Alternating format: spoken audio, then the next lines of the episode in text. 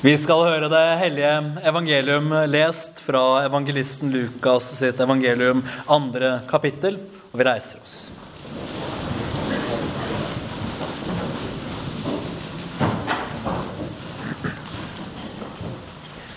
Og det skjedde i de dager at det gikk ut et bud fra keiser Augustus at all verden skulle skrives inn i manntall. Dette var den første innskrivning i den tid Kverinius var landshøvding i Syria.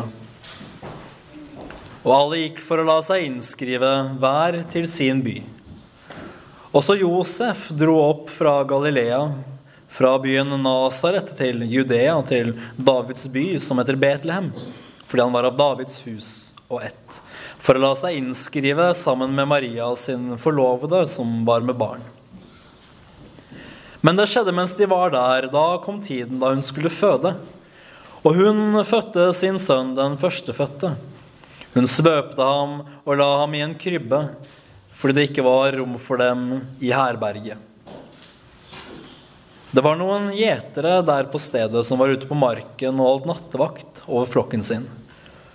Og se, en Herrens engel sto hos dem, og Herrens herlighet lyste om dem, og de ble meget forferdet. Men engelen sa til dem, frykt ikke. For se, jeg forkynner dere en stor glede, en glede for alt folket. I dag er det født dere en frelser, som er Messias, Herren, i Davids by. Og dette skal dere ha til tegn. Dere skal finne et barn som er svøpt og ligger i en krybbe. Og med ett var det sammen med engelen en himmelsk hærskare som lovpriste Gud og sa:" Ære være Gud i det høyeste, og fred på jorden i mennesker Guds velbehag. Og det skjedde da englene var fart opp fra dem til himmelen. Da sa gjeterne til hverandre, la oss nå gå rett til Betlehem og se dette som har skjedd, det som Herren har kunngjort oss. De skyndte seg av sted, og de fant både Maria og Josef og barnet som lå i krybben. Da de hadde sett det, fortalte de om det ordet som var talt til dem om dette barnet. Og alle som hørte det, undret seg over det som ble sagt dem av gjeterne. Men Maria tok vare på alle disse ordene og grunnet på dem i sitt hjerte. Gjeterne vendte så tilbake, og de priste og lovet Gud for alt det de hadde hørt og sett, slik det var blitt sagt dem. Slik lyder det hellige evangelium.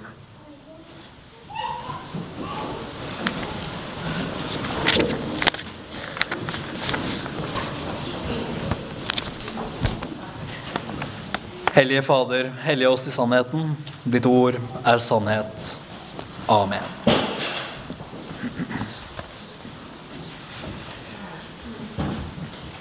Julen er fasadenes høytid. Jeg kommer ikke på en annen høytid som i så stor grad som julen avhenger av fasader. Gjennom våre egne tradisjoner og ting vi har importert av forventninger fra utlandet gjennom film og TV og andre steder, har det i de siste ca. 200 år vokst fram det jeg absolutt vil kalle den fineste og koseligste høytiden. Vi har julestemning, snakker vi om. Andre høytider kan være koselige, de også med sine særskilte stemninger på påskefjellet eller rundt grillen en pinsehelg. Men vi snakker sjelden om at vi har påskestemning, eller at vi har pinsestemning, på samme måte som vi snakker om at vi har julestemning. Og hva kommer dette av? Jo, det handler jo om den fasaden av den ytterste kos som vi har skapt oss rundt julefeiringen. Og jeg tenker knapt, tror jeg, å tegne det opp for dere. Dere skjønner hva jeg snakker om. Det er julestemninga. sant? Juletre og julegaver. Julenissen og julelys. Familie og venner. Alt det der som liksom skal gi jula den perfekte ramme. Og alt dette her er jo absolutt gode ting. Så hvorfor snakker jeg da om at det er en fasade? Er ikke det noe negativt? Noe vi bygger opp for å skjule hvordan ting egentlig er? En vakker fasade kan også skjule et vakkert indre. Men vel så ofte så er fasadene nettopp det vi bruker det som i dagligtalen. Nettopp for å skjule hvor, hvordan ting egentlig er. Og vel så ofte så kan vi oppleve at den fasaden vi har bygd, den slår sprekker. Da kan det være vanskelig å kjenne på julestemning. Da kan det være vanskelig å glede seg til jul. Og dette her er jo selvfølgelig sårbart. Jeg gleder meg som regel alltid til jul, og julestemninga den har jeg som regel gående i ett fra begynnelsen av advent. Og jeg gleder meg til jul selv når jeg er langt hjemmefra, som jeg er i år.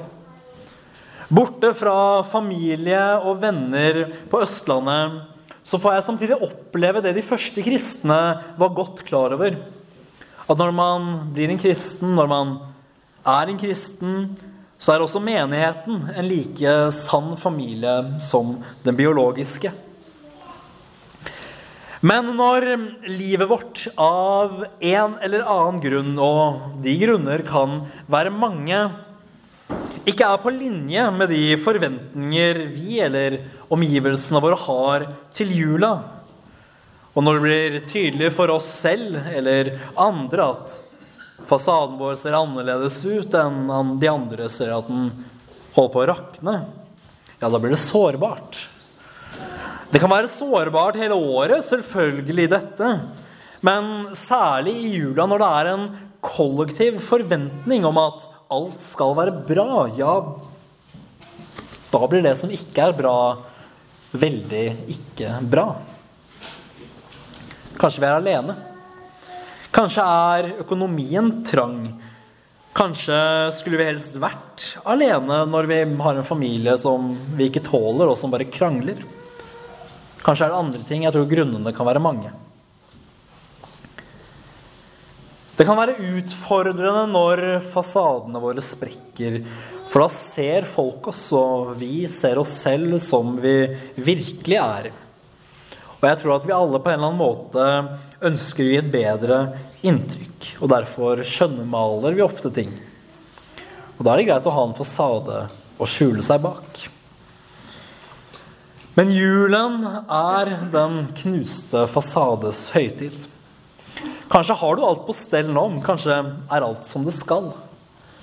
Men julenatt for 2000 år siden sprakk kollektivt alle menneskers fasader.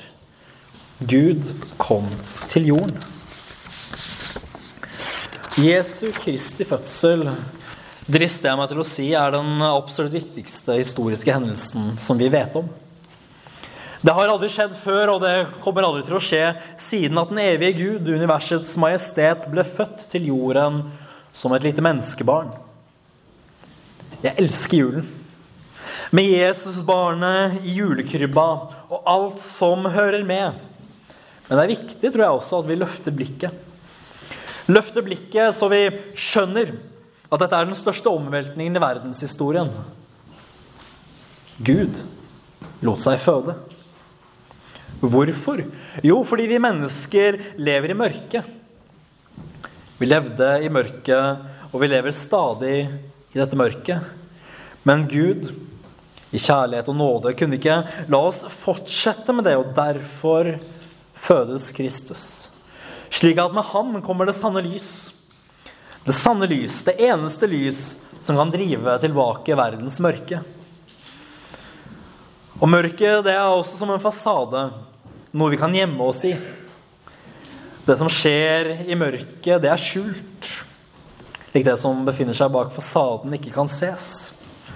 Så der Gud kommer for å drive tilbake mørket, der knuser han også alle våre fasader. Vi tror ikke på en Gud som er langt borte. og som ikke bryr seg om oss mennesker. Nei, vi tror på en Gud som lot seg føde til jorden, Jesus Kristus. For oss mennesker og til vår frelse tror vi at han gjorde dette. Når Gud er født til jorden, så nytter det ikke lenger å gjemme seg for Gud. Mørket drives bort, og fasaden knuses. Fasader av vellykkethet og fromhet rakner ganske kjapt i møte med den levende Gud. Men er det egentlig dumt når fasadene våre rakner? Jeg er egentlig ikke så sikker på at det er det. For når, jeg tror at eh, når vi er tvunget til å vise oss som vi er, enten for vår Herre eller for våre medmennesker, uansett hvor vanskelig det kanskje føles, da blir vi hele. Jeg tror vi ganske enkelt blir litt mer menneske. Fordi vi er skapt av Gud, så er vi skapt som noe godt. Vi er skapt som noe sant. Og dette gjør at å holde opp en fasade om at noe er sant når det ikke er det, det blir strevsomt på et dypere plan enn det vi egentlig kan forstå. Så når vi blir tvunget til å ses som vi virkelig er, om enn kanskje vanskelig i starten, så tror jeg det fører til mye godt. Ja, jeg er egentlig overbevist om at det fører til mye godt. For jeg har selv opplevd dette, at når jeg lar fasadene falle, og innrømmer for meg selv og andre at nei, ting er ikke alltid bra, eller jeg har ikke alltid alt på stell, eller at noe er vanskelig, ja, da blir relasjonene bedre og dypere nettopp fordi det ikke er en fasade som holder andre ute, men jeg kan slippe dem helt inn på meg. Og jeg har erfart at folk tåler vår mislykkethet mye bedre enn det vi selv tror.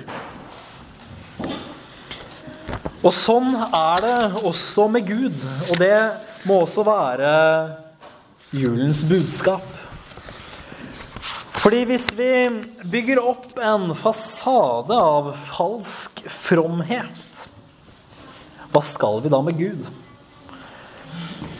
Men hvis vi lar denne fasaden gå, og det må vi, da kan det kanskje kjennes vanskelig først. For det er i det øyeblikket at den påtatte fromheten ryker, at vi må innse at vi er syndere. Men det er samtidig i dette øyeblikket vi innser at vi trenger Jesus. At julenatt var nødvendig ikke bare for den kosen vi har i dag, men for vår frelse. Og da kan vi også ganske kjapt bli trøstet. For i det samme øyeblikk vi skjønner at vi trenger Jesus, så er Jesus her for oss alle. Og vi skjønner at julenatt var for oss. At det ikke bare er noe vidløftig og fjernt, men noe høyst dagsaktuelt. Det lille barnet i krybben. Og når vi skjønner at vi ikke klarer oss uten Jesus, da vil vi også se at relasjonen blir dypere. Den blir ekte. Vi blir nødt til å komme til Jesus med livet vårt uansett hvordan det ser ut. Og der nytter det ikke å komme som noe man ikke er. For Gud vet hva vi er. Han vet hvordan ting står til. Og uansett, han elsker oss likevel.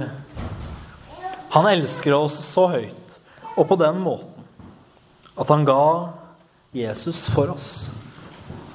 Han elsker oss så høyt at han lot sin sønn Jesus Kristus føde julenatt. Det største, dypeste og vakreste mysterium og under som jeg tror vi noensinne kommer til å ha hørt om og kjenner til. Ære være Faderen og Sønnen og Den hellige ånd, som var, er og blir en sann Gud, fra evighet og til evighet. Amen.